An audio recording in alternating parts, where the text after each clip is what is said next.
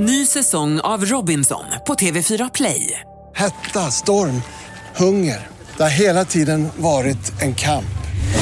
Nu är det blod och tårar. Fan händer just nu. Det. är Detta är inte okej. Robinson 2024, nu fucking kör vi! Streama söndag på TV4 Play. Fotbollsmorgon presenteras i samarbete med Telia. Samla sporten med alla matcher från Uefa Champions League, Allsvenskan, Superettan och SHL i ett paket. ATG. Odds på Premier League, Allsvenskan och all världens fotboll.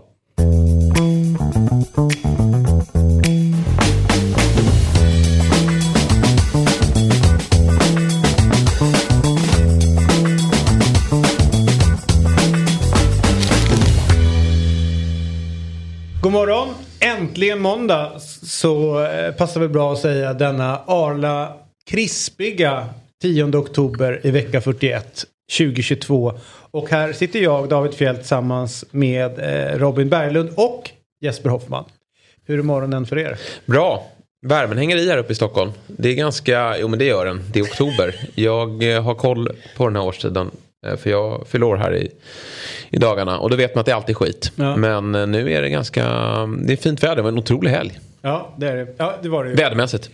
När det alltid är skit, är det vädermässigt eller är det att du fyller år eller är det ditt liv? Alltså, det, Nej, alltså vädermässigt. Nej, Jaha. men, alltså, oktober i sig är ju en deppig månad. Det är ju liksom vändningen. Mm. Man går över till... eh, Alltså jag kan gilla hösten men det, det går liksom över till att det blir riktigt, riktigt illa. eh, Vilket år var det Vädermässigt. kämpigast att fylla år i oktober? Var det 18-årsdagen eller var det moppen eller? eller Eh, strider nej, ju. 18-årsdagen var jobbigt när man... ehm, det är alltid trist att fylla sent på året. Mm. Eh, folk kunde gå på krog och annat och man fick Ja. vänta. Vad är det för datum du sitter inne med? Eh, 25 oktober. 25. Mm.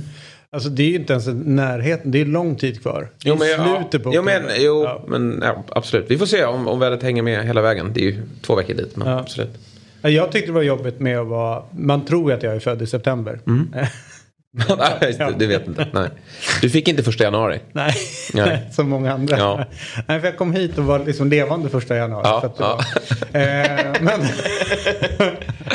eh, men det, det, Där, vi, där, jag tror vi har pratat om det här innan. Men, men jag- ja, vi fortsätter. Ja, men jag tyckte det var jobbigt att det var så lång väntan Ja. just så. Men Ja. 25 oktober var man inte ens tänka på det. Nej, det är ju usch. verkligen långt Ja. bort. Eh, Robin, hur mår du? Robinson drog igång i, i, igår och det är någonting som jag vet att du älskar. Mm. Ja, ja, Jag gör det i alla fall. ja, ja, jo, Jag tror att, du måste ju säga, du har ju en podd om det. Men jag, Ja, jag tror, att, jag tror att jag gillar det mer än Robin. Ja. jag, jag får den känslan. verkligen. Nej, men, eh, man, är, man är kluven. Det, det, det, ska bli, det ska bli jättekul. Det ska det verkligen. Och, och, och trumma igång det här. Det är alltid... Låt mig vet- försvara mig först då. Efter Ja. attacken efter finalen som var förra säsongen. ja, det var Bra, jag som gick på dig. Ja, det var ju faktiskt, jag var ju inte för det. Jag var ju emot den delen. Men ibland så finns det folk, eh, män eh, oftast, eh, med höga titlar, tjänar svinbra.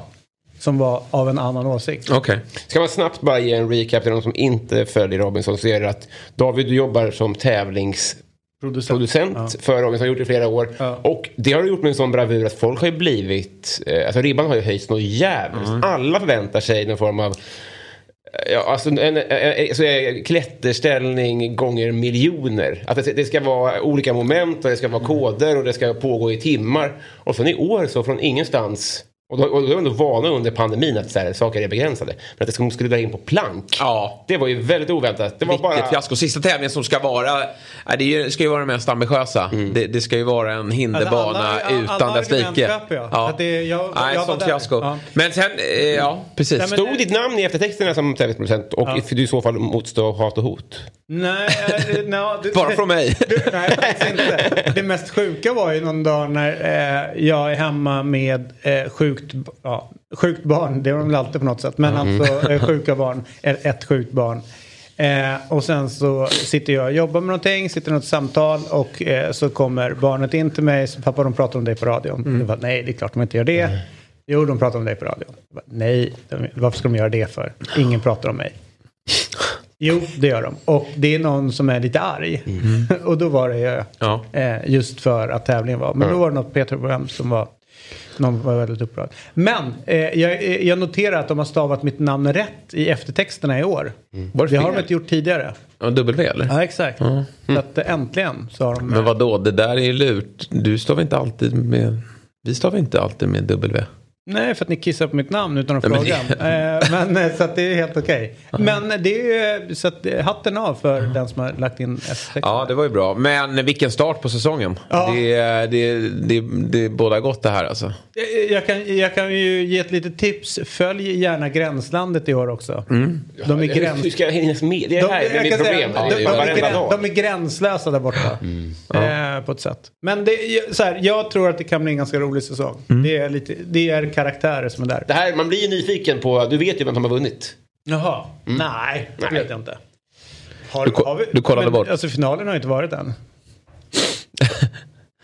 Eh, I Skene IF eh, i... Eh, glapp i mitt ju- huvud. Ja, Ja, jag tycker lite synd om dem. De kommer från Västergötland. Ja, det är. Och eh, hade... bara det trist. Nej. Det, Har vi ett case? kan vi inte säga. Jag skojar. Alltså, eh, Christian Borell är därifrån. Ja. Kina är väl hans? Ja, typ. Nej. Är det inte det? Kinna tror jag är... Nej, det är inte han. Och Johanna Frändén är från Västergötland. Så att det är fina grejer där- därifrån. Jaha. Ja. Men hur som helst så har den här division 4-klubben dömts till 20 000 kronor i böter eh, för eh, pyroteknik. Eh, de har brustit sitt ansvar som arrangör i lokalderbyt mot Kinna. Och eh, disciplinnämnden då anmärkte då på eh, pyroteknik eh, samt att ett antal åskådare ska ha befunnit sig närmare planen än tre meter. Vilket är reglerna. Det- Alltså det, det känns som att division 4, lokalderby, om det är några som kommer dit och försöker veva igång en mäktig stämning. Nej, det är helt Låt dem veva igång Det här händer ju ganska ofta att mindre klubbar eh, arrangerar sånt här Mm. för att det ska vara lite stämningsfullt. En, en- liksom, en liten happening eh, och att man tar med sig lite bengaler. Och det har väl aldrig någonsin varit såklart tal om att man ska få någon böter Nej, för nej. det. Alltså vi hade en trygg eh, domare i division 7 när vårt lag eh, gjorde en ganska kraftig bränning Ja. Mm. eh, runt en match. I division 7 just. Då blåser han och säger så här, vi bryter matchen. Jag bara, skojar du? Han bara, ja jag skojar. Ja. Så att, Såklart. Då är det ändå någon som har Ja, men, alltså, det är väl en upplevelse för domaren också. Ja, ja, ja, alltså, ja. få vara med om det här. Och Alla inblandade liksom- blir ju glada. Känslan att få chansen att bryta en match. Eh, men han sket dit. Det är roligt. Eh, Vi bryter matchen. Det här vill jag se. Ja, Ta exakt. upp telefonen. Exakt, du måste filma. Okej, men så här, jag känner att vi borde hjälpa. Har inte eh, Fotbollsmorgon det i sig att vi kan bidra med deras Mm. Absolut. skuld? Därför att det är 20 000 eh, är, ganska mycket för Sken IF och eh, då, då ser jag hellre att de lägger de pengarna på ungdomsidrotten eller någonting Är det annat. mer pyro? Eller mer pyro. Eh, alltså, Överskottet. Överskottet, precis. Men då vill jag så här. Om man vill hjälpa klubben att betala böterna så kan man swisha valfri summa till 1, 2, 3, 4. 6, 1, 11, 82. Vi kommer lägga ut det i våra sociala medier. Så här, låt oss liksom bara bränna av att vi tillsammans kan nog nå de här 20 000. Och allting, allt överskott eh, så hoppas jag att Skene IF kan lova att göra den mest jävla legendariska division 4-bränningen i premiärstarten, Ja. eh, premiären nästa säsong. Eh, i- igår så lottades EM-kvalgrupperna eh, och eh, när jag satt och kollade på den så var det så här, alla är ju jätteupprörda med varför hamnar vi i den här grupp C? Ja, men hur, ja, men hur kan vi vara i den? Vad dåligt det är. Och så tänkte jag tillbaka, så här, var det när jag var liten och växte upp. Då var vi ju den här blåbärsnationen som inte gick till eh, ja, Mästerskap. Nej. Och eh, hamnar just mot Österrike. Och Österrike känns ju så här på förhand som, eh, okej, lätt lag. Men man vill ju inte ha med Österrike att göra. Det känns som att eh, Andreas Herzog och andra dyker upp och, och sabbar för oss. Det vi tror är klart. Så att jag kände lite grann när jag såg Österrike att det blev någon form av flashback till det här känns inte bra. Nej. Nej, vi har ju åkt på dem två gånger va. Jag minns ju även när vi torskade 4-0 va, hemma på Friends. Så skickade de ut oss. Och det var också en svag upplaga. Det var väl Hamrens. Det var väl Hamren va? Ja det måste ha varit. Som var med där vännerna. Och sen då eh, Ravelli eh, också. Eh, 90-tal. Det var då vi missade 98 eller? Ja, jag tror det. Ja. Usch, det till, minns till och med jag. Eh, så att eh, Österrike har man inga fina minnen ifrån. Men en motståndare där Sverige Österrike är favoriter ska jag säga, knappa. Men, men där vi i alla fall ska ha möjligheten. För det är det det kommer handla om här. Kampen om andra platsen. Azerbajdzjan och Estland, de är ju turister i den här gruppen och har ju ingenting med eh, avancemang att göra. Belgien ska ju eh, såklart vinna. Sen tycker jag att det finns värre länder att få än Belgien. Men... Eh, Ja, men kollar de Ett av de bästa lagen är de ju. Spanien- Frankrike skulle man kunna fått. Man skulle, ja, men, alltså, precis, Österrike. alltså, allt handlade ju om pott två här. Ja, och, och- få Frankrike-England hade ju varit jobbigt. Exakt, och det undvek, Ja. Mm. undvek man. Så jag kan ju tänka så här att det, jag tror att det är Irland då som har landat in i en rätt stökig grupp med eh, Ja, den är ja, men. Nederländerna, Frankrike, Irland, Grekland. Ja. Alltså den, den gruppen är ju bara jobbig Mm. på alla sätt och vis. Eh, Tycker även att grupp C, Italien, England, Ukraina. Ja. Eh, Och sen är det ju Makedonien. Makedonien, och Malta. Malta va? Det är inte lika tufft. Nej. Eh, nej, så att det finns betydligt värre grupper. Jag tycker ju, men det sjuka är återigen, det måste ju pratas om vad som händer i Danmark och lottningar. Alltså de eh, har ju haft sån sensationell tur med lottningar eh, de senaste kvalen att det, det, det saknar motstycke och att de lyckas dela till sig tre matcher på parken i EM. Det är ju nog fuffens, det är ju förmodligen Schmeichel.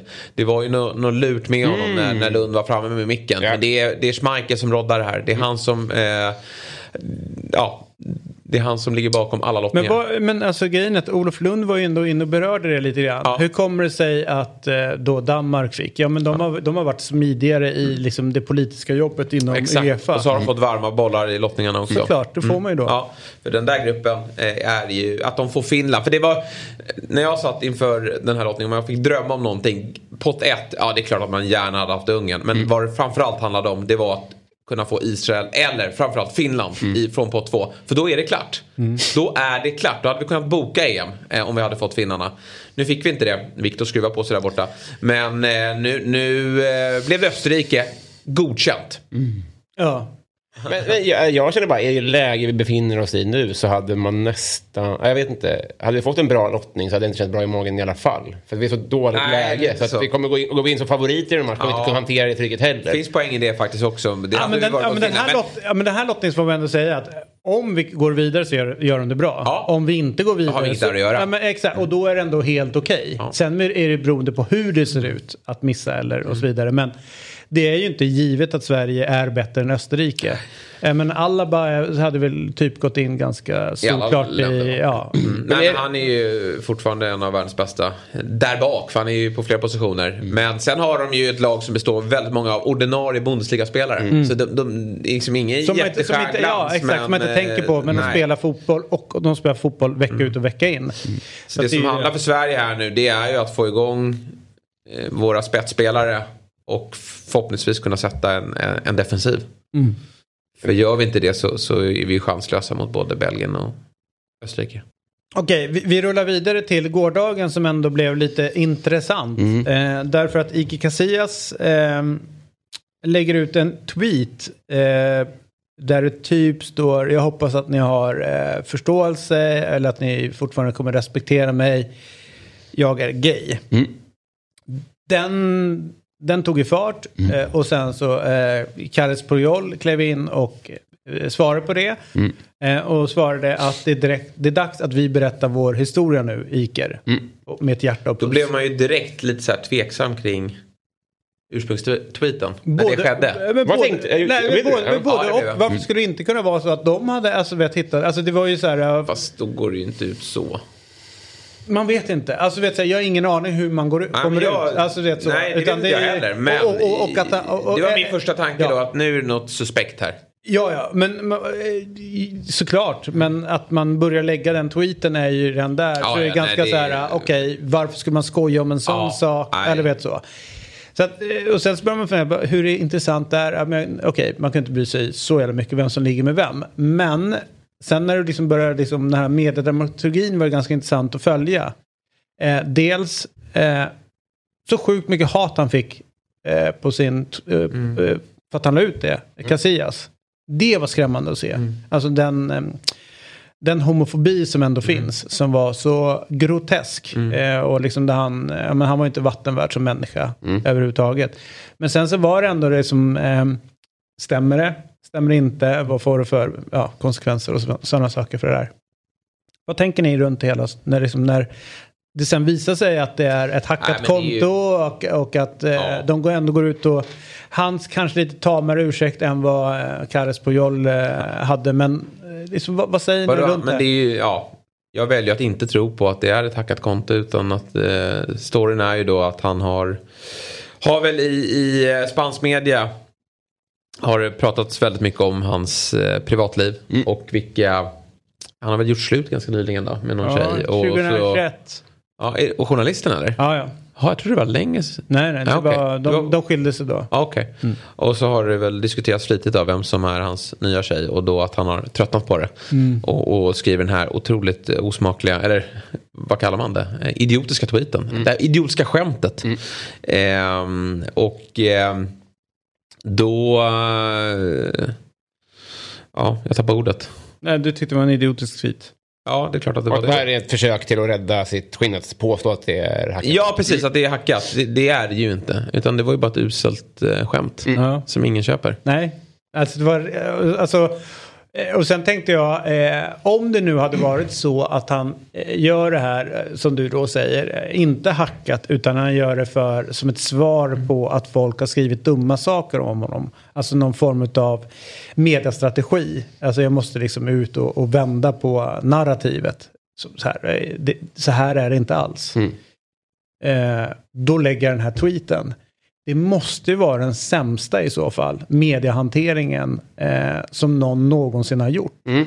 Eh, Alltså, det, alltså, bara ur det perspektivet så är det så idiotiskt. Ja, Vad, vad, vad, vad uppnår han med det? Sen gick det så många timmar också så jag undrar om han var på en flight eller något. Det var ju också eh, att han, man måste ju ganska fort ha förstått Ja. att det här misstolkades. Ja, eller att det är det som är faktiskt tecken på att det faktiskt var hackat. Att det tog så lång tid, eller att det var helt tyst under så lång tid. Och sen så band bort. Men vad, okej, det är ett väldigt raffinerat hackeri då. Att, ja. okej, just nu är det mycket snack om hans privatliv. Jag skriver en tweet som liksom är i linje med vad han känner. Men om det är någon polare som sitter så här bredvid. De har, Ja. de har, så här, de har suttit med någon jävla marka. Det- det- Okej, nu, Mm. nu Fernanda, eh, bla bla bla, någon tjej och nästa vecka är Det är face rape helt enkelt, ja. Ja, men typ så här. Mm. Nej, det och så är vet någon som rimligare. bara så här, "Åh, han är så jävla trött på det här. Hur fan, de bara hittar Ja, på. och sen det så är det någon polare som, aha, fan vad kul, vi Mm. lägger ut den här. Man, man har ingen aning om hur, eh, liksom hur, hur setupen var. Men att face-rape eller ta någons, det är ganska lätt att göra. Tre, tre tankar då.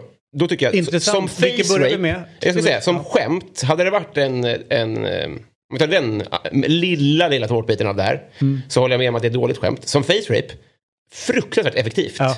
Det måste ändå vara en av de, F- F- face rape, om det nu är det, som har slagit hårdast. Ja, för- för, ja. för i många, det är väldigt mycket som han nu... Eh, här, det har skadat honom väldigt mycket. Det har skadat Piol väldigt mycket av det här också. Ja. Det andra är, det du säger, jag, jag menar inte att lägga ord i mun på det nu, men du säger ju ändå så här, folk får ligga med vem de vill. Jag vill ändå säga, det finns för fan, man måste väl få, det, det är väl kul med skvaller. Det argumentet har man bara när det handlar om, om eh, homosexualitet. Man har aldrig det om Wanda och Icardi. Så här, folk får ligga med vem de vill. Det har ju ett egenvärde. Det är ju svinspännande med, eh, med skvaller. Jag tycker att det får finnas också. Så här. Man, man får fortfarande... Eh, Får jag stoppa dig där? Jag Ja, håller med dig. mm. Och jag köper, alltså så här, det är inte skvallret jag är emot. Nej. Men jag gör ingen värdering i om du ligger med en tjej eller kille. Nej, gud, det gud. Mm. kunde jag inte bry mig mindre om. men man vet ju att det får skvaller. Ja, men här blir det ju stora grejen liksom, att, det är, att han ska komma ut som homosexuell. Mm. Det är ju skitsamma. Alltså, jag, bryr mig, jag kunde verkligen inte bry mig mindre. Men sen är det klart att det kan vara lite kul att höra med någon som är fullständigt gränslös i sitt levande utanför fotbollsplanen Mm. och det kommer fram. Sånt kan vara intressant. Men jag har ju liksom ingen värdering i ligga med en man, med en, med en med nej, nej, kvinna nej. eller Och vad jag det nu tror är. att- jag- jag tror att, Men det eh, är det som är, som är den stora grejen. Så här, ah, han är homosexuell, vilken grej. Och sen så ska det vara Man liksom- vet ju att ur ett världsperspektiv så är det ju världens grej. Han, han kommer ju aldrig, hade det varit sant hade han aldrig fått göra ett Fifa-uppdrag någonsin igen. Han kommer ju aldrig bli uttagen i så här folks världslag eller någonting. Om han kommer ut som homosexuell. Jag vet det. Men nu kommer han kunna det. Alltså, han har ju räddat sin karriär genom att berätta att det var ett skämt. Ja, Det är så jävla stört. Och där, ja men där håller jag med. Och, Ja. och fler borde ha det perspektivet. Sen finns det en annan del utav det. Det är han, vi ser Thomas Hitzelberger i, Ja. Mm. i eh, tyska fotbollen. Som, We- Aston Villa var det. exakt, som kom ut som homosexuell. Det intressanta är ju att nästan alla som kommer ut Mm. gör det när karriären är över. Och så, om det skulle varit nu liksom Casillas, om det skulle stämma så är det, ja men han, är, han slutade för två år sedan. Och då, så det är ju det typ rimmar lite grann i med vad du säger. Att eh, det är fortfarande för stigmatiserande inom fotbollen. Det är fortfarande så att det är för många dörrar som stängs om du kommer ut som homosexuell. Ur det perspektivet tycker jag att man ska bry sig.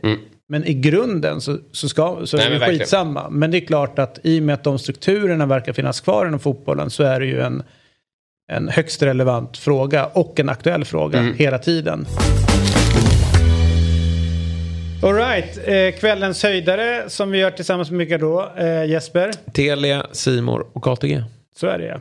Och matcherna ikväll som vi tänkte puffa lite grann extra för är ju Norrköping-Mjällby där eh, egentligen är det ju så här. Norrköping har en teoretisk chans att bli indragen i en, en härva av eh, bottenresultat. Om de fortsätter torska därför att de här vinner lite grann där nere. Så att de måste vinna. De är lite eh, fjolårets Häcken. Ja, så de måste Så de liksom- vinner väl guld nästa år då? Antagligen. Så de behöver vinna den här matchen för att liksom bara dra iväg och liksom lugna ner säsongen. Jag tycker att de har spelat bra mycket bättre än vad utfallet kanske har varit på slutet. Mot ett Mjällby som alltså delvis kanske har checkat ut. De är liksom klara. Så att egentligen är det ingen liksom, match med spets. Men det är allsvenskan. Och allsvenskan är alltid bra. Dock så är det på plast. Sen har vi eh, eh, Hammarby-Varberg.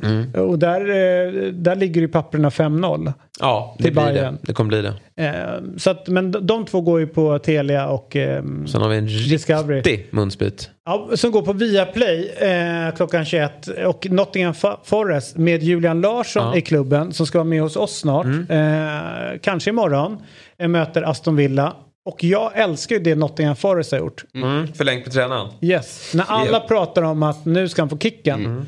Och eh, jag ägnar mig åt att eh, kolla upp honom lite grann innan säsongen börjar och just när det börjar liksom värvas in rätt mycket spelare. Alltså hans rykte är ju att vara en riktigt bra fotbollstränare. Sätta grundspel, bra på att utveckla spelare. Alltså alla de grejerna att det är ett bra hantverk. med det yrket. Vad säger du? Det är en fördel med det Jo, ja, men en del är kanske är bra, alltså vet sådär. Men han har ju verkligen gått igenom En kört stare. Nej, men han har kört ungdomslandslagen så mycket, och han har varit i Liverpool och Steve rattat Cooper, deras, eh, Mm. deras ungdomsakademi. Så att liksom så här, det är härligt att en klubbledning kan se vilket bra hantverk Mm. en tränare gör. Trots att det går tungt. Så är så här, men det här, vi tror på honom. Mm. Han har bevisat det. Ja, ja, men det, det finns något vackert i det. Absolut. För det rätta, lätta hade varit att så här, nu sparkar honom och tar in Ja, Benitez. och det man trodde var ju att den här grekiska ägaren Marinakis, eller vad han heter, eh, som har ju spenderat nästan två miljarder. det- Känslan är att han har kommit in här och, och eh, kastar om allt. Och då är det såklart att även tränaren kan stryka med när det pågår en sån eh, förändring i en klubb. Men otroligt eh, imponerande. Och det som talar för Nottingham Forest det är ju att man har ju rustat i en, en i bra namn. Man har ju bra spelare. Nu gäller det att få ihop det och, och då kanske den här eh, skicklige tränaren då, Steve Cooper, kan få ordning på det. Men då är det dags att börja vinna. Ja, kolla bara vad han gjorde i Championship Ja. förra året med ett lag som ingen egentligen trodde på. Så Nej. att de går ju upp med ett lag som egentligen är mer division 1 s- slash Championship Mm. än Championship slash Premier League. Så att, och jag tror att det är, menar, det är jättemycket spelare, nya spelare in. Ungefär som Aston Villa gjorde. Tog in jättemycket spelare också. Det tar ju ett tag innan allting sätter sig. Ja, det har fortfarande inte satt sig. Nej, då, jag, menar, jag tror inte det kommer sätta sig förrän efter jul. Men då handlar det om kanske liksom hur långt, eller efter VM, hur långt efter ligger man eh, de, de andra. Men det här är kvällens höjdare i alla fall. Ja, Ja, vi har väl speltips också va? Tillsammans med ATG. det har vi. Eh, och Vi kan väl få upp den. Har vi den kupongen redo här va? Ja, För det här är- ett bra spel. Vi vinner ju ofta på måndagar va? Eh, För då är inte myggan här. och eh, vi har ju Totte Nyman göra mål i den här matchen mot Mjällby. Det känns som att han, han, han går mot en stark spurt Nyman. Mm. Liksom när det inte finns så mycket att spela för. eh, Det är lite um, höstigt. Ja, men då kliver rutinerade Totte Nyman fram då. Så han gör en kasse ikväll. Hammarby, där fick vi ju skjuts av det här spelet på, från, Alexander Axén. Att eh, Hammarby går över 2,5. Vi borde nästan spelat över 4,5 då. Men vi nöjer oss med 2,5. Ja. För Bayern jagar målskillnad. De är otroligt bra i den här typen av matcher. Och Varberg, ja, de skickar väl ut material, materialaren i kassan kan jag tänka mig. har du fått frågan än Robin? Eh, nej, eh, ja, Ja, då- men jag har inte tid. Nej. Ja. Nej. Jag kände inte för det. Nej. Sen har vi då, som ni ser på oddset, det givna att Örebro ska slå Dalkurd. Så att det här, den här trippen får man till 7,98 gånger pengarna borta på ATG.se. Och eh, den känns jättebra. Förra månaden la jag en eh, f- 10 kronor på de där fem. Ja. Då fick jag 58 Ja, kronor. nu kan du lägga Nu kan 10 jag få eh, så får du- 79,8, Ja. alltså 80 spänn. Det räcker nästan till lunch borta på Ica borta. 89 ska de ha. Ja, jag vet. Men jag har mina 58 från förra veckan. Just det. Så att jag kan få ett Ja, lunch. vad bra. Eh, så här är det, du ska vara över 18 år. Eh, Och stödlinjen.se. Ja, om du har problem så finns stödlinjen.se. Alright, eh, igår så var det toppmatch i Sverige. Eh, jag satt och kollade lite grann på den eh, samtidigt som Liverpool och eh, Arsenal gick upp. Men den matchen vann Häcken med 1-0. En, eh, på riktigt en seriefinal. Eh, ettan mot tvåan. Och vi har med oss Alexander Axén. Eh, den här matchen spelades på Tele2. Du jobbade på den och min bild är att det faktiskt var en riktigt, riktigt bra toppmatch. Ja, för fan vad bra de var. Häckens första halvlek var inte att leka med alltså. Eh, men, men samtidigt brände de så mycket chanser så jag tänkte att det här är så typiskt lag som inte har den här rutinen. Missar så mycket lägen, då vet man att Djurgården kommer komma ut i andra halvlek och bara liksom köra. Så att, eh, innan de fick in 1-0 så tänkte jag att eh, jag fattar inte hur de kan undvika att göra mål. Han Larsen kunde ha gjort tre mål alltså med lite skärpa. Så att, eh, men eh, de hade varsin halvlek och eh, Häcken hade kämpat till sig marginalerna som det så fint heter. Eh, En tanke då, för jag hörde Erik Friberg i något sammanhang uttala sig kring det och jag satt också och funderade på det när man ser deras laguppställning och de, de spelarna som finns där. Det är mycket rutin, det är mycket välmeriterade spelare som finns i, eh, i laget eh, och att eh, Kanske, och jag är också en del av problemet, att man kanske bedömer Häcken utifrån namnet på klubben Ja, snarare än vad de faktiskt har på planen. Och de, den bänken de har och de spelarna de kan slänga in är inte heller kattskit. Att det här är ju, eh, alltså, alla går runt och säger så här, men Häcken kommer tappa. De har inte erfarenheten, de har inte, de har inte vana, var den här situationen. Men jävligt många av spelarna har erfarenheten av det. Jo, men det är, det är så. Men samtidigt är det här ett ganska nytt lag. De här dök ju in i januari och så började de köra. Eh, häcken var ju illa ute förra året. Och så kommer Per-Mattias in och, och fixar till det. Men sen så, de gjorde en riktig sån här kasta bort spelare och in med nya. Och jag såg ju dem i cupmatchen mot, jag tror att det var Hammarby. Det var ju eländigt alltså. Det var ju 4-5-0, jag kommer inte ihåg vad det var. Alltså, det såg inte bra ut. Och så tänkte man att hur ska de få ihop det här och, och hur kan Martin köpa massa danskar och norrmän? Liksom, tänk om det går åt helvete. Eh, för den transfern ska komma in då i och med att eh, Per-Mattias är också norsk då. Men sen helt plötsligt satt det bara som en smäck. Eh, och de har ju spelat fantastisk fotboll. Men de har ju skit i försvarsspelet och det har de gjort medvetet för att eh, Irma Elin, eller Sinebedjad, eh, visade ju eh, massa klipp där de är sju, åtta stycken i, i straffområdet. Och jag på något sätt, jag gillar ju det här, liksom att de kör. Det, nollan är inte det viktigaste. Men nu visar de ju också att de kunde brotta ner en nolla när det som väl behövdes. Och det är ju jävligt imponerande alltså. Eh, för, för där har de ju inte varit bra. När man skulle ta ut det här laget vi gjorde igår, så man fick ju ta med eh, liksom Hovland lite för att ja, det känns konstigt annars, typ så. Men de, de, där har de ju sin absolut svagaste lagdel. Men det skiter de i, för de gör ju så mycket mål hela tiden. Mm. Jag skulle säga, det, det, som jag, det som jag tyckte var lite roligt och nu är jag som jag är och gillar fysisk fotboll men det var ju att båda lagen är ju kända för att spela bra fotboll men jag, jag tycker att båda lagen också visar att den fysiska delen var de väl uppför och kunde stå upp. Det tyckte jag gjorde, gav matcherna lite extra kryddan. Och att eh, Alltså de höll sig på rätt sida om, eh, om allt. Men det, var, ja, men det var inte världens godaste stämning på planen. Vilket man också uppskattar. Så att det är coolt att se att de också har liksom kampen i sig. Ja, det var en jättebra domarinsats igår. Vi har ju gnällt mycket på domarna den här säsongen och, och allt eh, diskuter, diskussioner vi har. Men han höll det på en perfekt läge, släppte där man skulle i början. Spelarna gillade också att de fick smälla på, men sen gick man vidare. Och sen ska det vara så här mycket känslor när det är seriefinal. Alltså, den här matchen visste ju alla hur viktig den var. Liksom, så att, eh, och jag är ju ganska... Eh, Bröderna Gustafsson, det var ju världens lättaste att reta upp när de var här i Sverige senast. Liksom. Det var, jag sa ju till Råp och Nordin att vad är deras ansikten? Sen gick ju båda ut till Peter Gerhardsson och bara byt ut mig, de håller bara på att sparka på mig. Typ. Alltså, de, de har ju varit sådär hela tiden, men de har ju växt upp nu för att Djurgården var ju på dem hela tiden i början för att se att de skulle tappa huvudet, men de klarade det faktiskt på ett bra sätt. Och det är också en form av mognad liksom så, men Eh, när, eh, jag tror att det är Danielsson som ger en riktig sån här höfttackling på Jeremejeff tidigt i matchen. Då är det ingen Häcken som springer fram och eh, sätter tryck på domarna att de ska gult kort och det.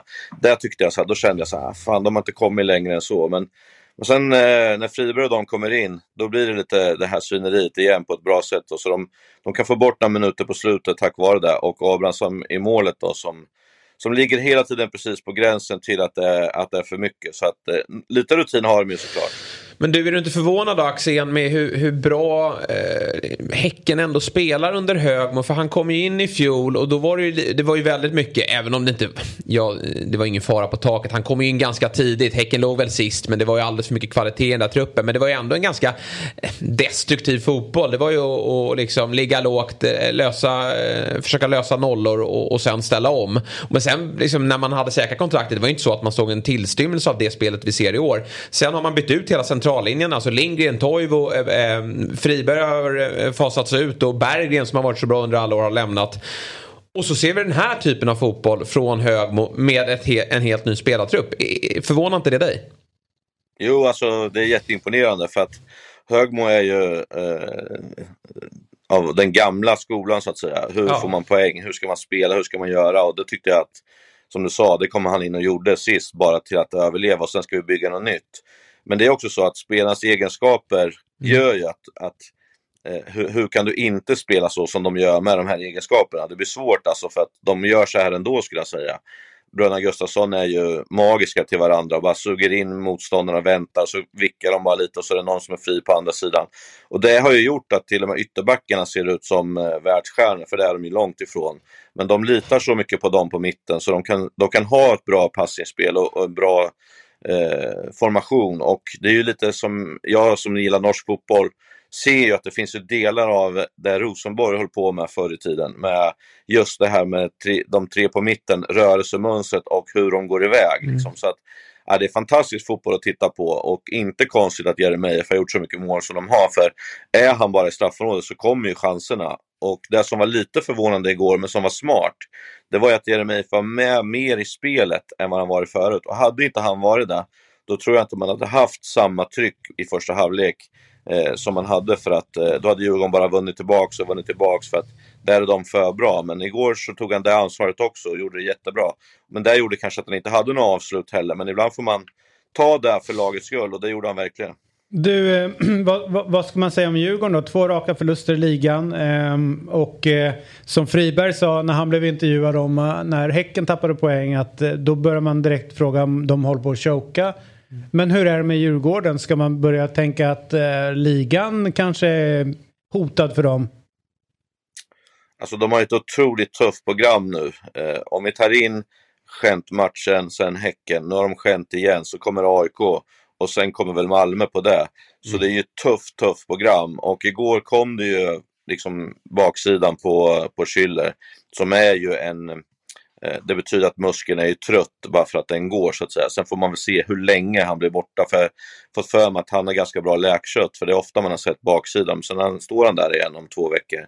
Men vi får se hur det är. Men men de har ett tufft program och Häcken, vilket flyt de har att de har Sundsvall nu för att det är lätt att bli lite bakfull efter en sån här match. Eh, men då får de eh, Sundsvall hemma så det, det kunde inte vara något annat lag. Liksom. Det gör också att de kommer sätta press på Djurgården som då möter AIK. Och ni vet ju mer än någon vad, vad den matchen kommer betyda för AIK. Det finns ju ingen chans att de viker ner där liksom. Så att eh, de har ett tufft program Djurgården med allt som är och eh, de har inte haft en svacka på, jag vet inte hur länge som helst alltså. Och man vet att det alltid kommer en liten minisvacka. Det spelar ingen roll vilket lag det är, den kommer alltid. Och jag har bara egentligen suttit och väntat på när kommer Djurgården få det.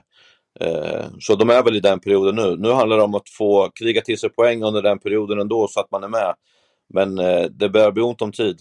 Mm. Du, vi kommer att ha Erik Friberg med oss senare i programmet. Vill du hälsa honom något? Han måste förbättra sin dartarm alltså. Han var ju helt utsliten när han var med oss i, i turneringen. Han gick och höll den som, som man har så här mitella, du vet. Att han fick inte ut den på, på söndag. Men, eh, liksom, han är ju van att använda armen på andra sätt, liksom, men eh, han fick inte ut den. Liksom, så att han får rycka upp sig. Se höstens bästa matcher med Telia Sportpaket. Du får allt från Champions League, Allsvenskan, Superettan och SHL på ett och samma ställe. Telia Sportpaket ger dig all sport från Telia och Simor, inklusive Allsvenskan och Superettan från Discovery+. Förutom alla sporter, turneringar, ligor och matcher ser du också alla filmer och serier. Du kan även lägga till HBO Max utan extra kostnad. Och det bästa av allt, det kostar just nu bara 499 kronor per månad. Och du kan givetvis streama innehållet i apparna eller kolla på det genom Telias Superbox med 4K, wifi, Google Android TV. Så, höstens bästa matcher, bara 499 kronor i månaden. Älskar du sport? Skaffa sportpaketet på telia.se sport. Där ser du Champions League, Allsvenskan, Superettan och SHL på ett ställe. Tack till Telia som är med och sponsrar Fotbollsmorgon. Du, eh, snabbt bara. Vad säger du om Kalmar? De är alltså eh, obesegrade i sju raka matcher och är väl uppe på en tredje plats. Ja, otroligt starkt alltså. Eh, mycket ska ju tillskrivas målvakten. Han har ju varit helt jävla magisk alltså. I matcher där de har för, liksom förtjänat att förlora eller tappa poäng så har han bara murat igen liksom. Sådana gamla Alltså det är en otrolig matchvinnartyp och det gör ju ett självförtroende i laget som är otroligt. Och att åka till Elfsborg borta i den här formen som Elfsborg är och göra 2-0, jätteförtjänt vad jag förstår och jag såg ju inte matchen, så är man ju grymt imponerad. Och där är ju liksom frågan, vad händer nu? För att du vet, nu är de inne i sån, i sån stim och sån zon. Jag kommer ihåg det där, det hände ibland med Örebro att vi hade sådana där höstar man är livsfarlig alltså. Eh, och jag tror att den svåraste matchen de har kvar är väl Hammarby borta eller någonting. Eh, så att eh, det ligger öppet för dem alltså och verkligen fighta som eh, sista Europaplatsen. Ja, och givet hur, hur tunga eh, eh, scheman de har ovanför mm. så är det inte helt, alltså Bayern eh, Ja, som och ett Malmö idag. som har checkat ut. Går Djurgården på en, ett poängtapp till då kanske fokus riktas om till, till att eh, ta den här gruppsegern i Europa mm. Eller Conference League istället. Så att det, det kan verkligen hända grejer de här sista omgångarna. Mm. Och eh, ja, det som, som Axén är inne på, när ett lag får det där flowet som Kalmar har just nu, ja, de blir ju livsfarliga. Mm. Ja. Men jag tycker så här att Häckens spelschema det är ganska bra på så sätt att precis som Axén är inne på, nu får de GIF Sundsvall, skön match att, att uh, studsa tillbaka på för det, även med baksmälla så ska de vinna den. Sen har de liksom matcher där de verkligen behöver vara på tårna. Det är AIK, det är Göteborg, det är Norrköping. Bra lag där Häcken måste upp i, i den nivån de kan nå och då vinner de den typen av matcher. Så jag, jag tycker Häckens spelschema är ganska bra. Jag håller med om det, för att eh, de behöver inte göra jobbet själva. Eh, det kan vara tufft att, att möta eh, Varberg, Degerfors och sådana som slåss för livet nu, för du måste göra allting, driva allting själv och det är ju de bra på. Men, men det kan också vara lite skönt att ligga lite rätt och sådär. Och att, jag tyckte att Hammarby, eh, det är ju liksom, det blir 5-0 idag. För har ni tittat på Varbergs nästa match? Nej. Då har ju de eh, Helsingborg borta. Ja. Ni vet ju vad Jocke Persson brukar ja, göra sådana där viktiga matcher. Det är liksom, undrar vilka som, jag kommer nog inte känna igen en spelare idag som spelar Det gör man ju sällan. Nej men alltså, han är ju expert på, ja, ja. jag ska inte säga att han vaskar och sådär, men han vet vilka matcher han ska vinna. Så att eh, det är ju ingen med varningsläge eh, som kommer göra en grej idag i alla fall, det kan jag säga. Och de kommer ju köra så länge de tycker att det känns lite roligt, men gör Bayern 1-0 tidigt så ja, det är strunt samma. Då, då vaskar de den här matchen hur lätt som helst. För det är bara fokus på Helsingborg nästan. Och Bayern har ju målskillnad att gå för också. För det, det är ganska viktigt där i, i, toppen mellan Häcken, Djurgården och Hammarby. Som, Hammarby har väl inte riktigt gett upp det här hela än. Så att, eh, viktigt för Bayern att göra många mål i, ikväll. Och det har de nog möjligheter till att göra. Mm. Ja, man ska inte så man får en jävla spelskandal på sig nu. Men att ni har ju sett hur de har gjort förut sådär liksom. Så att, eh, Eh, jag är inte speciellt förvånad om det, om det rasslar på idag. Nej. Du, eh, vad säger du om Blåvitt och vad, vad som händer där? Ah, jag trodde att det var ett skämt alltså, för det kändes ju som att eh, jag kunde ha tagit en rad igår bara nedanför mig så åker vi och spelar kryss mot Sundsvall liksom. Så eh, det är otroligt att man släpper in tre mål. Ja. ja men det är otroligt att man släpper in tre mål alltså. Det är helt otroligt och bara gör två i så fall. Men, eh, nej alltså jag vet inte riktigt vad det är, men det- är ju att de är ju inte riktigt framme än Blåvitt. Och det är lätt att slå på den här trumman nu, att nu är det kris igen och sådär. Nu gäller det verkligen att bara ta det lite lugnt, för att den förvandlingen de ändå har gjort är på rätt spår och ta det bara lite lugnt framåt. Men i våran podd som vi har då, Fanscorner Sverige, så ringde in en i, i, från Blåvitt sist. Och då sa vi så här, ja, hej välkommen till showen typ. Han bara, Stare out. Så sa han inte ett ord till bara. Och bara vi var så här, va? Typ. Du är för snäll mot honom på intervjuerna. Han måste bort, det är inte vår liksom, man sådär. Och då är det klart att han bygger inga riktiga broar med supporten efter en sån här insats. Liksom, så är det ju. Så att, äh, de, de är liksom i ett läge där det är lite tufft just nu och avslutningen är ju viktig för att nu kan de ju braka neråt för nu kommer ju alla lag bakifrån också och sådär. Så att de är en jävla situation alltså och det här var ju inget bra. För att här tänkte man ju att oavsett om du har en bra dag eller inte så är det ju tre poäng liksom. Men det blinkar in ett och två och tre att jag höll på att svimma Så, Så att, eh, nej, jag vet inte vad de höll på med faktiskt. Men, men eh, frågan är ju kanske vad man ska liksom värdera Blåvitt och vad man ska stoppa in dem. Alltså, eh, det är ju klart att när jag tittar på dem så är det så här eh, att jag bedömer IFK Göteborg utifrån det klubben har presterat historiskt och tänker att de här ska vara mycket högre upp. Men om vi går ett år tillbaka så hade de jävligt jobbigt och, och sett ur det perspektivet så har de ju liksom gått åt rätt håll tappat mycket spelare, stor spelomsättning och så vidare och så vidare. Så att det måste ändå vara svårt att jobba i de här äh, övergångsperioderna i klubbar när du liksom på något sätt måste bygga ekonomi eh, och liksom sälja spelare för att ha råd att göra nästa satsning.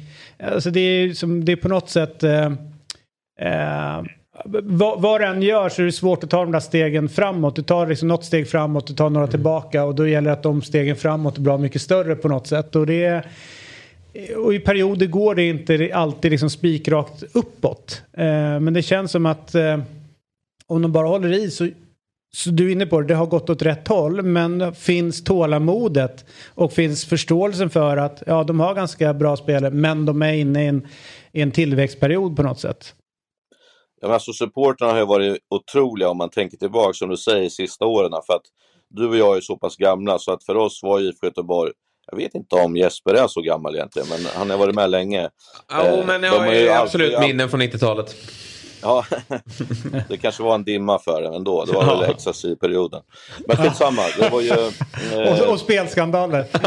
Ja, exakt. Nej, men det var ju, de var ju alltid så här jobbiga och ruggigt bra. När jag tränade guys så där, du vet, de var i ansikte, de var hela tiden tunga. Vi var, tyckte att vi var bättre spelmässigt, men de vann alltid på slutet. Och, och liksom så här jobbiga att möta och sådär. Och sen så byter man helt linje till, vi går helt åt andra hållet. Och eh, så vart det blandade resultat också. Man vann ändå en cup och sådär. Och så kom man på att nej, det här är inte för oss. Vi ska tillbaks till vänster. Alltså, de här förändringarna som man gör, det, det tar sån jävla tid att vända tillbaka. Och då när man tänker att support har ställt upp på den här resan, för de ville verkligen göra någonting. Även om man blir så trött på att folk gick på den här Östersunds-grejen, liksom att alla skulle spela som Östersund. Så IFK Göteborg borde ha suttit lugnt i båten och gjort det de ska göra bara så. Men nu har de varit på fel sida, de är på väg tillbaka. Men jag, jag, jag är lite inne på det du sa, att supporterna de har, de har varit så jävla ställt upp och varit jävligt snälla typ. Men nu, nu känns det som att det börjar braka igen liksom. Och det kan förändra eh, eh, klubben igen, men jag tror att så länge man har Håkan Mild där nu så är det ingen fara.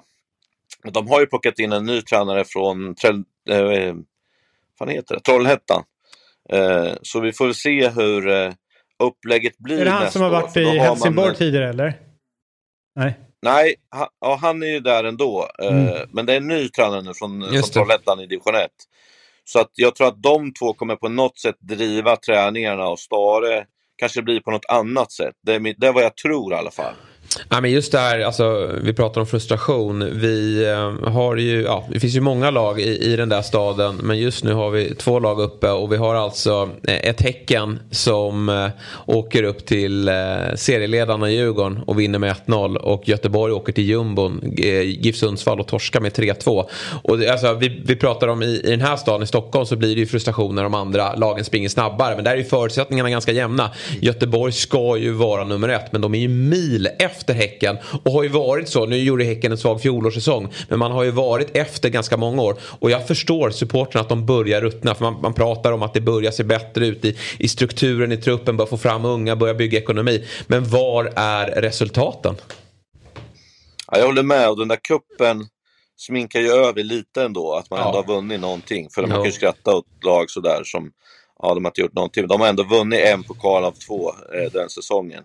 Och, och även om, om liksom Göteborgssupportrarna kanske inte tycker det var så jävla bra så, så var det det. För att det är svårt att vinna en cup eh, överhuvudtaget. Och det som jag tror är själva grejen är att de har inte varit topp sju på sex år eller någonting. Eh, för att bli topplag igen så måste du vara där uppe och känna hur det var, det här lite trycket på matcherna och sånt. Det har ju de inte haft, medan Häcken har ju, har ju haft det nu och känner ju på något sätt att vi har koll på de här grejerna. Liksom. Eh, och eh, IFK Göteborg är ju den stora elefanten i rummet just nu, för alla sitter ju och undrar var, vart är de, vart är de på väg och varför är de inte bättre? Men frågar du liksom unga spelare, liksom supportrar idag från, från många lag, så liksom IFK Göteborg är ingen maktfaktor i Sverige. De är ju liksom, det är ju bara ett mittenlag och sådär. Typ. Medan vi har ju den här historien. Och vi vet ju också att de kommer komma tillbaka till att bli det här topplaget. Men jag tror liksom att nästa säsong, då måste de bli topp 6 för att, att det ska kunna gå vidare. För det kan inte fortsätta så här att man ligger 8-10 varje säsong, för då kommer det bli då kommer det ta jättelång tid. Utan man måste blanda sig i lite, man kommer inte riktigt räcka till och så blir man sexa. Lite som Bayern gjorde, deras resa tycker jag. Att de var liksom lite med i toppen och sådär. Så nu har de lite mer rutin för, för att vara där. Och man måste göra det över tid för att bli så. Eh, så man slåss om det. Men IFK Göteborg, alltså ett år har de kommit topp sju de sista fem sex åren. Det är ju otroligt svagt ju.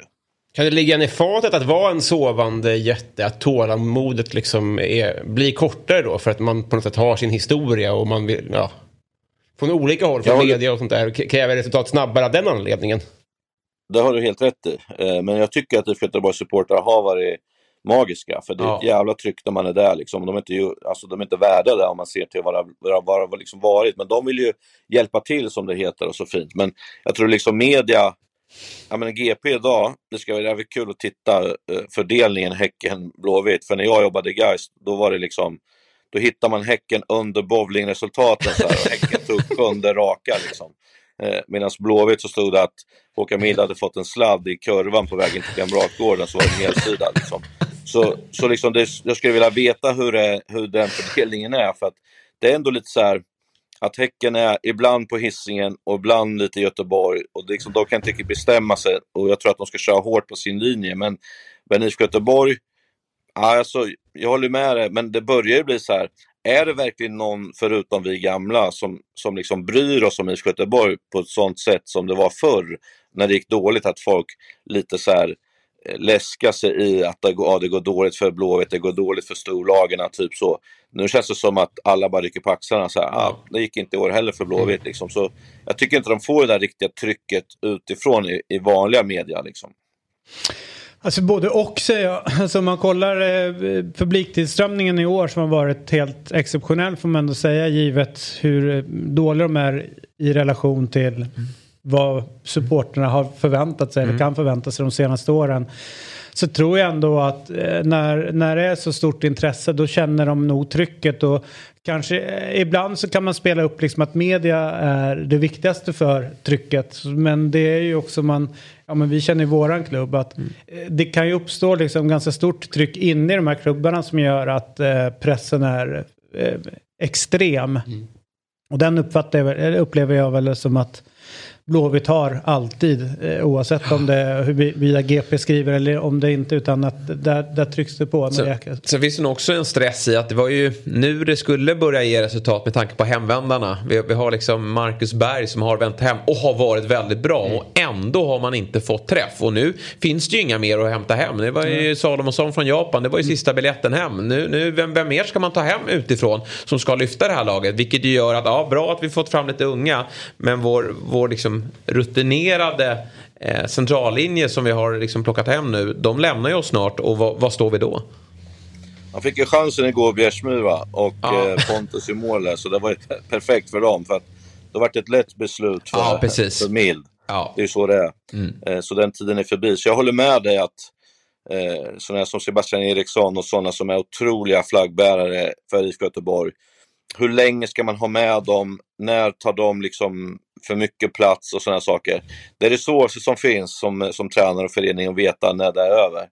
Eh, Sebastian Eriksson är ju som ni vet, han är ju om något eh, liksom, energifylld och han vill man ju typ ha med varje gång för att han kör sin grej liksom så. Men, men Bjärsmyr kanske börjar se slutet och han har inte fått spela på länge och det är liksom de äldre måste spela mycket. Det är inte så att de kan sitta på kvisten och sen komma in en match, vila två, tre som var bra igen. Det går inte. Det ser du på Friberg också.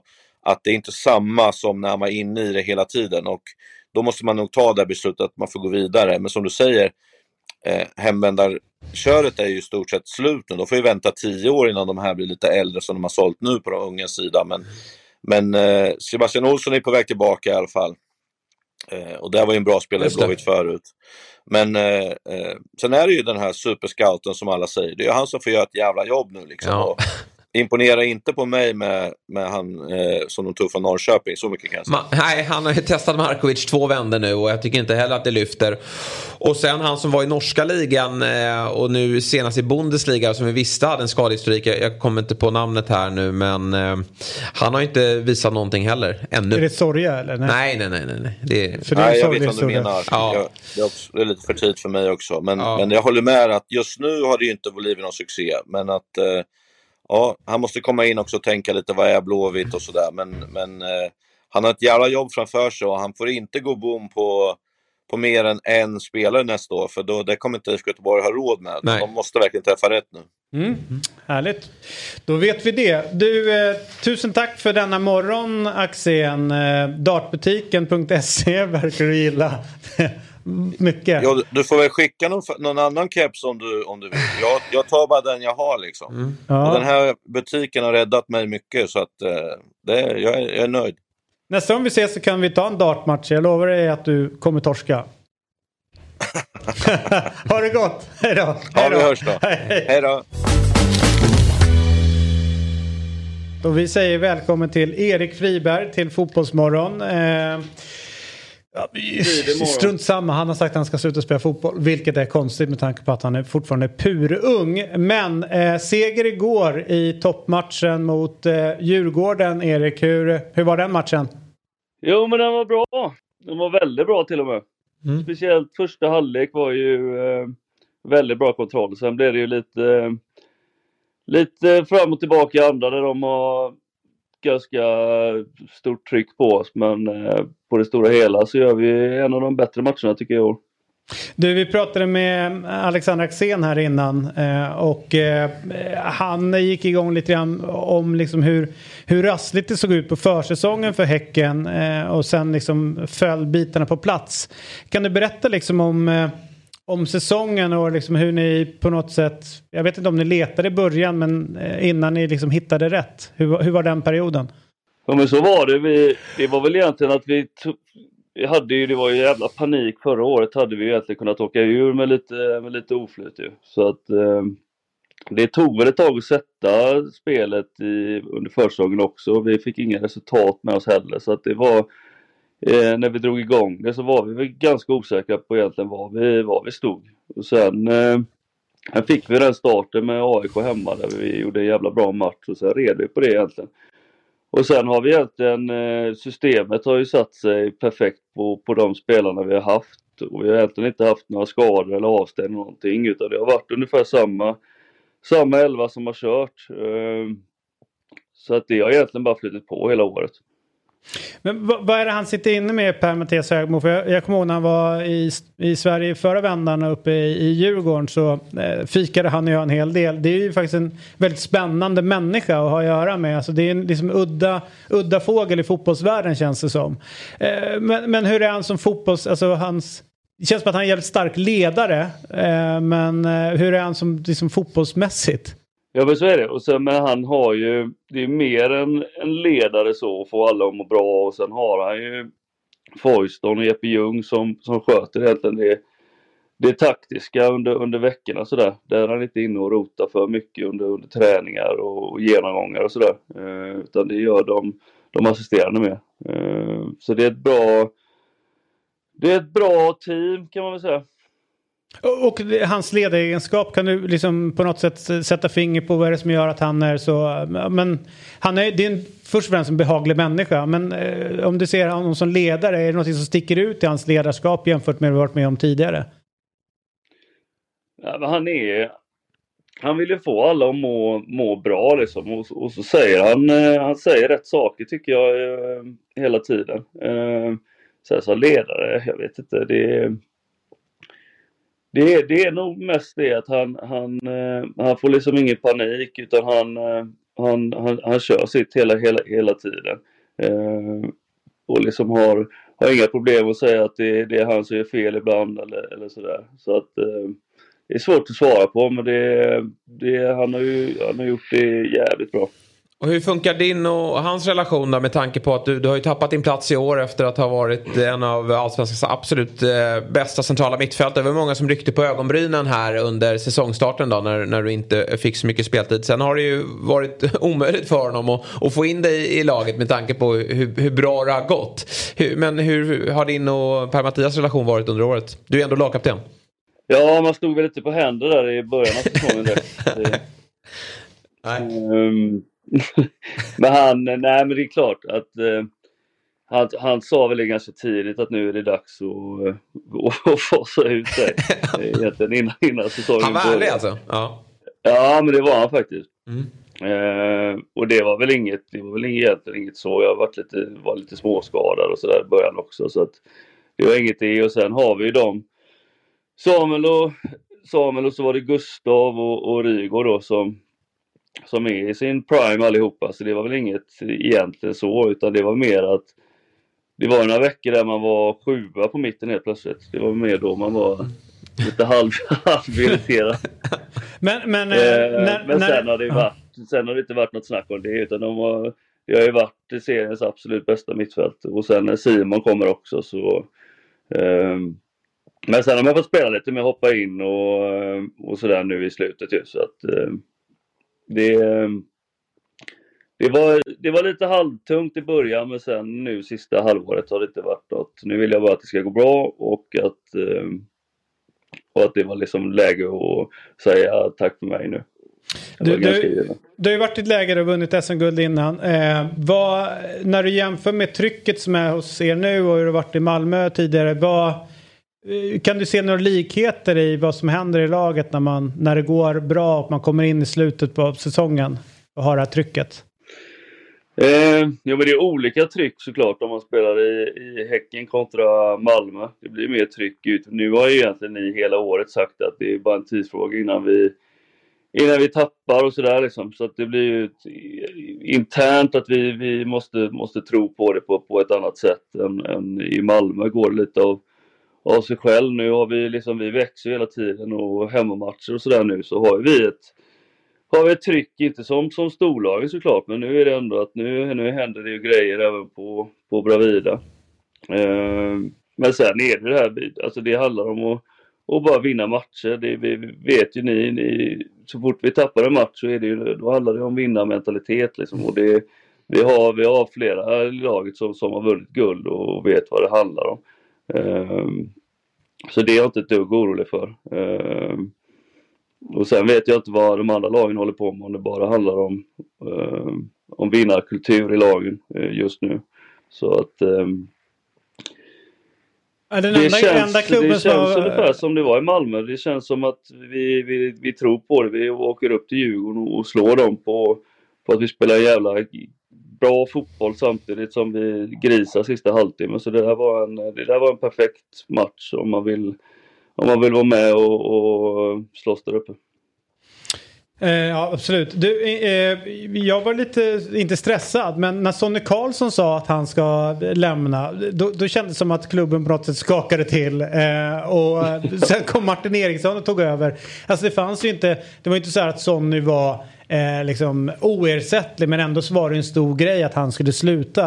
Eh, vad är det som skiljer när Martin Eriksson kliver in eh, som sportchef? Att, eh, man får ändå säga att han har resultaten med sig så här långt. Det har hänt något.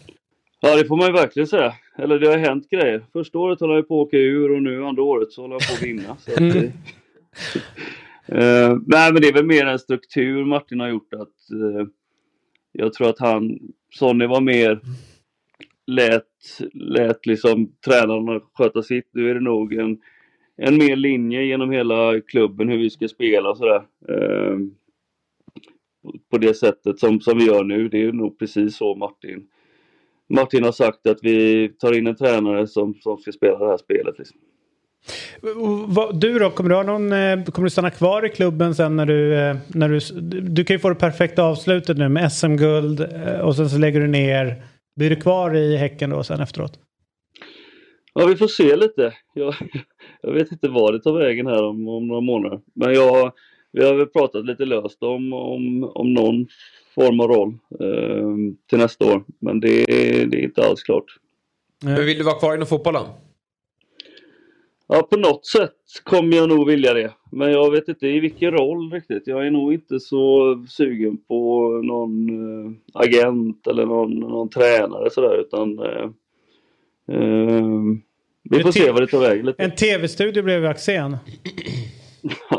Prata dart. Ja. ja, exakt. Är du så jäkla dålig på dart som man Dart-TV. säger? Ja, dålig. Jag lägger ju ingen tid på det så att då är jag ju dålig. Står man åtta timmar om dagen så är det klart då kan man ju träffa eh, tavlan liksom.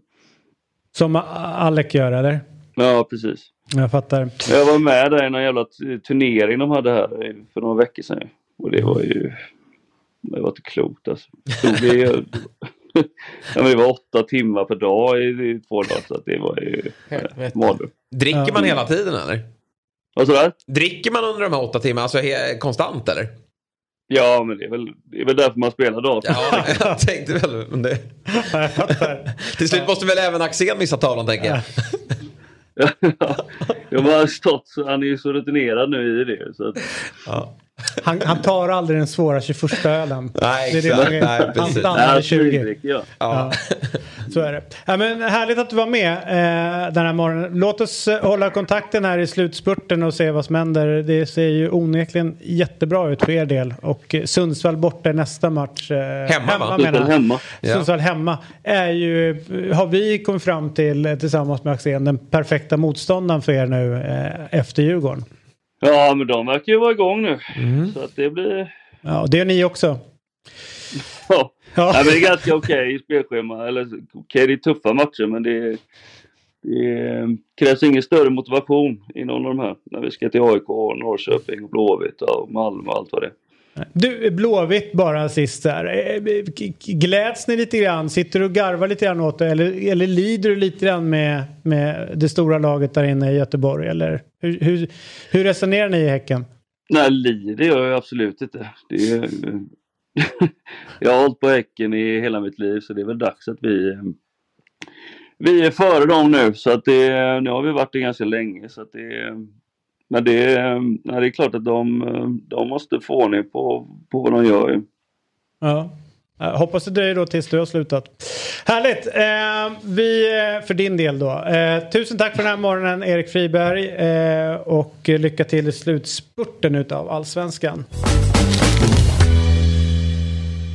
Vill du, min kära vän, snabbt pa- prata om Der Klassiker? Ja, det kan jag göra. Skulle du vilja göra det? Ja, vilket, eh, alldeles snabbt så var det ju eh, efter sju raka förluster mot Bayern så eh, betydde det där krysset väldigt mycket. Mm.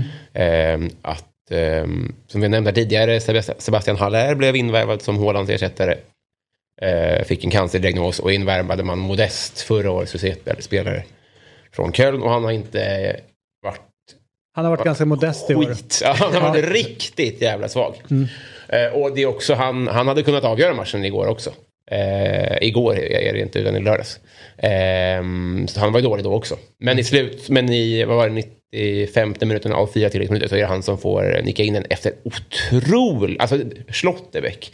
Alltså där är det är Tysklands bästa mittback. Hell, han är bättre än Rydiger alltså. Han är så jävla bra alltså. Det är han som skapar det där genom att rädda en förlupen boll och lägga en perfekt macka som Modest får nicka in. Och vilka scener det var på läktarna. Ja. man blir avundsjuk på den typen av vrål. Alltså, det är ju... Eh, att det sker inte så ja, ofta nej. på läktare. Det är på der- derbyn. Ja, Eh, och vissa matcher. Och det är därför man älskar fotboll. Ja. Det som händer där. Har ni sett också bilderna på Oliver Kahn? Som är då sportchef i Bayern. alltså bitterheten. Det kan vi nog få upp. Han laddar själv upp det på Twitter nämligen. Så det finns ju... Ja, eh, okej, ja. det, det finns bildbevis på det. Ja. Äh, Den, den är ju, det är helt enormt. Och, och det där är ju... Så här, jag vänder mig mot en del säger så att det är lite så här förlorarmentalitet och jubla som om man har vunnit när det bara är kryss. Men det här är ju liksom, det är ju på läktaren för alla så är det som en seger. Det är så jävla härlig känsla. Ja, jag kommer ihåg att eh, Malmö FF-supporterna klev ju på AIK ganska ordentligt då när Sebastian Larsson gjorde 2-2. 1-1 gjorde han kanske. Äh, På frispark. Ja. Eh, 2018. Mm. Eh, Hur kan man fira ett kryss? Och då blir jag så här. Jag skakar bara på huvudet. Ja. Nej men alltså det är väl klart att eh, lätt att säga att man vinner SM-guld var och varannat år att man inte kan fira ett kryss. Men för oss vanliga dödliga så är det ju en helt magisk känsla. Och, Ja, men även om man har vunnit 20 guld, det var ju, liksom, det var ju jätteviktigt kryss. eh, Ja, för, nej. för det laget som gjorde det målet där och då. Det hade inte spelat någon roll om det var, vore AIK som var det Nej, men jag tror, att, men jag med tror ändå att det hänger i också en, en viss grej i hur, alltså hur framgångsrik man har varit som kanske. klubb.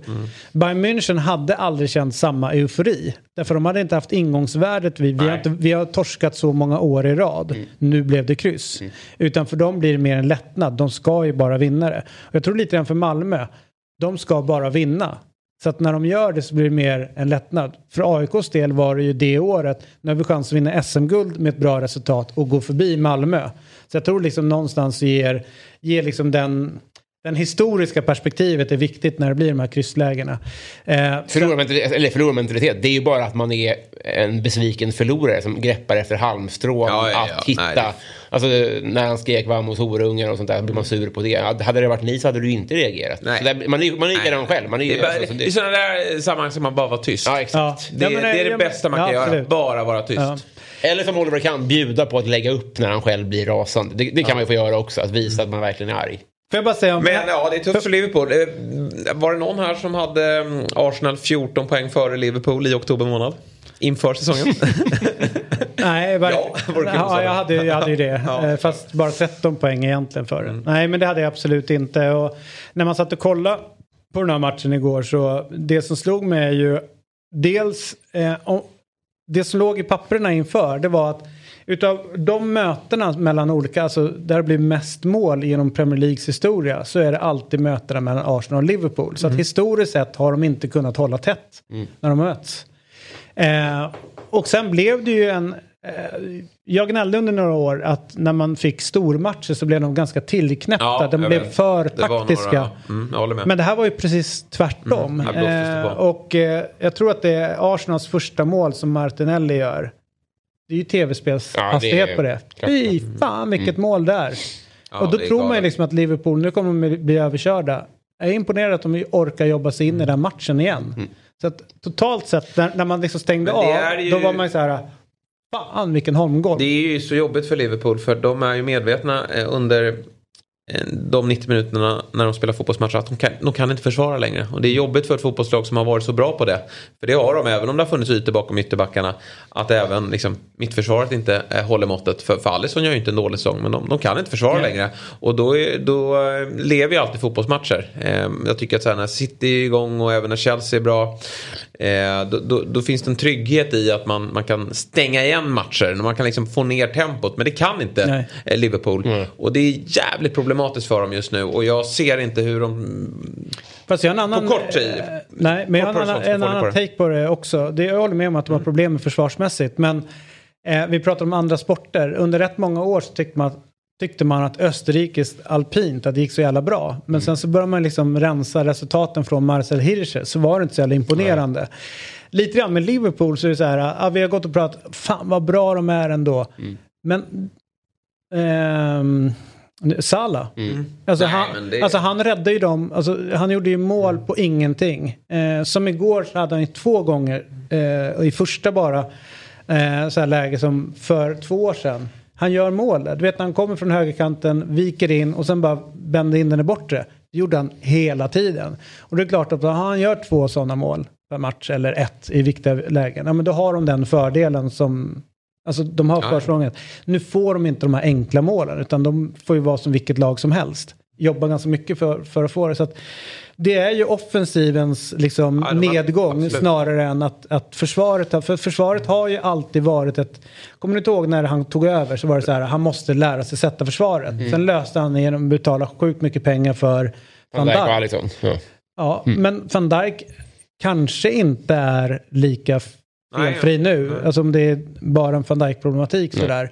Alisson tycker jag är lika bra som innan. Men sen är det ju framåt. Mm. Eh, Mané är borta, eh, Salah gör inte sina mål och eh, den som är bäst är ju den som de skulle ha slussat ut egentligen. Firmino. Han är ju den som kanske Ja. går bäst. Ja, Det Så är, det är det som är... Fan vad jag inte... Det, det, jag hade snarare tippat på det här glappet än att Firmino skulle vara den som är hetast där framme. Alltså. Ja, det är sjukt. Fan vad konstigt det känns. Men eh, med Salah då, det var ju det som Sir Alex var så bra på eh, när han verkade i Manchester United. Att slussa ut spelare i rätt tid. Mm. Pratade man ju alltid om att man undrar, nej men han, honom kan du inte släppa. Men det var ju alltid perfekt timing på det. Och eh, det gjorde inte Liverpool med Mohamed Salah utan man gav istället det feta fyraårskontraktet var det väl. Mm. Eh, alltså med typ det dubbla i, i kuvertet. Och eh, Men hur, jag tror att han kommer bli bättre än vad han presterar nu. men men du det kommer ju men- inte bli... Ja, fast vi ska nog inte sitta och... Jag tycker att många skyddas i att han kommer tillbaka. Han kommer tillbaka. Till vilken nivå kommer han tillbaka då? Jag säger inte att han kommer tillbaka. Jag bara säger så här som klubb, där och då. Hur fan hade man gjort? Alltså, Nej, vet, du, det har varit jävligt svårt. För att det fanns Nej, men det är där inga tecken där. Jo, Nej, men det jo, fanns fast- inget... jo, jo, jo, jo, jo. De skrev ju kontraktet i somras. Eh, Ja, gjorde efter- det. Så efter den efter ja. Afcon så... Ja. Det är roligt med tweets. När kommer Salah tillbaka från Afcon? ser man ju fortfarande dyka upp i, i flödet. Och, och han, har, han ser ju lika håglös ut. Och dessutom Liverpool, och det har väl att göra med hans form också. Jag tror, jag tror att han hade tre... Eh, eh, bolltoucher inne i sista tredjedelen igår. Så att de Mm. Det är involverar honom inte. Haaland gör ju fyra mål på det. Ja, det gör, Mm. det gör han visserligen. Men, men han är inte lika involverad. Förut kändes som att allt gick via honom. Men det har ju förmodligen mycket att göra med att han inte Och rör han, sig lika bra. ja, nu. han engagerar Han sig inte så mycket. engagerad, och och nej, nej. nästan så här kroppsspråket Ja. är att han är liksom helt off. Ja. Ehm, och nu blir han liksom utbytt. Det känns liksom som att Klopp, ja men nu är det dags att liksom Salah off. Men på tal Ja, om... ja, nej men nu, eh, han ska bänkas Ja, måste framöver. Ja, alltså, det måste ju, här måste ju Klopp kliva fram. För att han har ju, nu gjorde Nunez mål, nu är i och för sig Diaz skadad. Men, men det går ju absolut att försöka lösa det med, med eh, Jota, eh, Firmino och, Nunez på något konstigt sätt. Det blir svårt att få ihop det i och för sig. Men, men eh, Diaz gick ut eh, knäskadad då, så att eh, vi får se vad som händer där. På tal om utfasning bara snabbt. Det- Det var ju det enda man sa inför säsongen. Fan, nu har, nu har de gjort det. De har ju fasat ut. Firmino kom, är en rimlig bänkning. Ja. Eh, Ma- Mané har gått till Bayern och här, Salah är för bra. Och, och blir av med allihopa. Och så tar man tar man in tidigare Jota och sen så Nunez. Nunez och eh, Diaz. Alltså det är ju, på pappret var det väl en jättebra Ja, utfasning. ja det, det har de gjort. Men de, de, eh, jag tror att de också har varit extremt beroende av de här målen. De får ju inte, alltså, de får ju inte målen som de har fått Nej, tidigare utan nej det, och, är, det är och ju Salah. skönt att kunna vila det på en Ja. målskytt. Alltså, Och vi pratar som om Häcken idag. De har Ja. haft Jeremejeff där Ja. hela året. Det är så, och de har haft två innan. Men Mané kunde ändå gå in i, de här, i svackor ibland. Salah fanns alltid där Mm. som kunde göra målen. Det är så skönt som fotbollslag att kunna luta sig mot det när spelet hackar. Eller när det går bra så smäller det till flera gånger och sådär. Så att det, Men det jag tror var den stora smällen, det var Nunez röda kort. Ja. Alltså han hade ju sån flow fram till Ja, dess. vet. Och anledningen till att, att han provocerade honom så mycket var ju för att han var ett hot. Han, det, var, det var ju han och Haaland som var vem kommer göra mest mål Mm. liksom. Och så får han den där röda och så direkt så bryts hela deras flow. Ja, Det som är intressant är ju också när, när man hör, nu vet jag att mm, tränare emellanåt försöker säga saker för att skicka signaler men det kommer från många håll nu. Det är ju Nunez, hur han är i träning, Mm. att hans avslut. Att liksom de säger bara han liksom kommer Mm. eh, ja, men rätt eh, självförtroende eller vad det är, i matchsituation så kommer vi se någonting som är Ja. eh, Ja, liksom häpnadsväckande. honom. Och det, det hoppas man ju på något sätt också, för när man har följt honom så har han ju haft den höjden. Men det måste ändå också vara frustrerande då för så Klopp att säga att det hackar lite grann, men kolla vad jag får på träning. Ja, så att man jo, riktigt får ut det. Så att det, det är väl klart att det är ett, jag tror att det kommer bli ett jobbigt år, Ja. men, men jag tror inte att som Christian att det är liksom eran Klopp Nej, är det, över. tror- det tror faktiskt inte jag heller. Eh, men det är, det är ett nytt eh, pissår som väntar Liverpool. De ja, har det ett kanske pissår blir, ganska nyligen. ja, och det kanske men- blir men- en Europa League-plats till Ja, ja, slutet. nej, där. nu, alltså kolla topp fyra. Eh, Jag tror det blir, nej, det, det blir sjukt svårt alltså. Eh, Arsenal, de kommer topp fyra. City kommer vinna. Och Spurs och Chel- Chelsea är ju på gång. Eh, du behöver inte säga det David, jag kan säga det. Chelsea är på gång. Och eh, Spurs kommer fixa det. Så att eh, nej, Liverpool missar Champions League. Du Spännande. Där det? har du det. Där har vi det. Eller det är vi inte ensamma att tro. Eh, så här då, imorgon så är det samma panel i studion. Det är jag, det är Jesper, det är Robin. Eh, men eh, klockan nio då kommer Martin Schibbye. Åtta. Åtta, menar jag. Åtta. Nio, då stänger vi det. Ja, Martin Schibbye kommer då eh, och hit och prata lite grann om Blankspot tror jag. Eh, visst är det det? Ja. ja, precis. Cards. Cards of Qatar. Eh, vi ska eh, grotta vidare i ja, VM i Qatar helt enkelt. Eh, och från klockan sju så hittar ni oss på YouTube, Twitch, dobb.one och eh, överallt där ni vill, den höll jag på att säga. Vi finns där ni vill att vi ska finnas och som alltid, det här ju ner i poddform. Härligt! Eh, tusen tack för den här morgonen. Vi ses imorgon. Hej hej! Fotbollsmorgon presenteras i samarbete med Telia. Samla sporten med alla matcher från Uefa Champions League, Allsvenskan, Superettan och SHL i ett paket. ATG. Odds på Premier League, Allsvenskan och all världens fotboll.